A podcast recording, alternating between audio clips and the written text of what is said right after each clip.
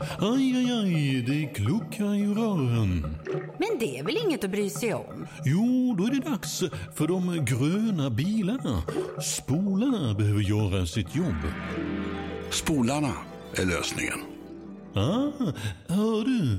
Nej, just det. Det har slutat. Nu ska vi presentera morgonens gäst här på allvar. Det är nämligen eh, Boris Lennerhov som har kommit hit.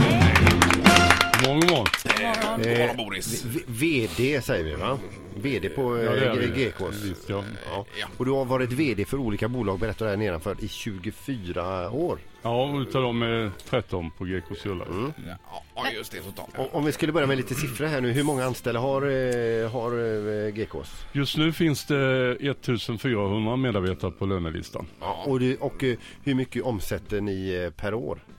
Förra året var det 4,2 miljarder. Ja, men, men är du uppe på taket varje morgon och eh, tittar ut över parkeringen som man har sett på TV? Och- Jajamensan, idag fick jag gå upp extra tidigt för jag skulle hit så jag var där vid femtiden och vinkade men mot en enda människa i Alltså. Men du är aldrig på taket. Men i verkligheten är jag aldrig på taket. Nej, nej, nej, det är så. Eh, och det har ju spelats in en ny säsong av denna tv-serie Ullared som eh, gjorde succé, eller har gjort succé i flera omgångar. Eh, och när kommer den, Boris?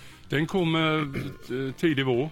Ja, det är det så, ja. Ja, Okej, och för, för eh, oss så var, det blir lite extra kul för vi, vi har hållit uppe nu, blir ett par år då, så, Ja, så fyller vi 50 år nästa år. okej. Så det blir ju eh, passa bra till jubileumet och på, sen, vi, sen vi var i, i rutan sist så har vi hunnit eh, bygga hotell och massa stugor. Vi har byggt ut varuhuset jättemycket. Det finns eh, nya avdelningar. Vi har, vi har precis tagit eh, sportbaren i drift. Det är liksom är det där killarna hänger då alltså?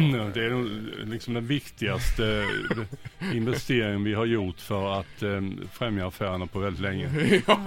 ja, för Där att, männen kan häcka. Ja, det är med, män är ju duktiga på att handla men inte så länge. Nej. Så- Nej, för det märker Min man vill ju följa med ibland.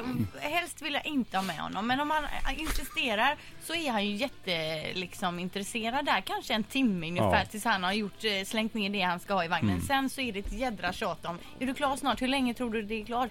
Så det är ju toppen om man Mm. kan få sitta i sportbaren. Precis så är det. Alltså en, en och en halv timme, sen går gränsen. Och sen börjar han ju suga energin från dig. Just det. Och då är ju risken oerhört stor att du kroknar liksom och inte blir handlat så mycket som, Som som vi hade tänkt. och då, och då, då blir det perfekt. Så har vi placerat den i en jättesportbar, hur stilig som helst. Så vid, eh, precis i anslutning till mitt i vardags till damavdelningen där den börjar. Ja. Och det är ju liksom hela grejen. Då kan han sitta där och titta på sport eller människor. Så sen, sen har hon då, tjejer har nämligen förmåga att de vill gärna visa när de ska handla. Så att visa upp, och få någon slags så att de får alibi för, eller ja, Ja, att, den processen, jag vet inte riktigt vad den går ut på men de brukar inte vilja ha någon åsikt direkt va, utan det, man nickar bara in sig. Ja, Man, man håller upp så att säga. ja, Ja. ta bägge och så då kan hon bara liksom komma fram där, han sitter kvar, Ja. läppjar på sin latte eller pilsner Ja. och han bara nickar instämmande. Ja, Och alla andra gubbar som sitter där nickar också. Ja, och alla är glada och han är lugn en timma till.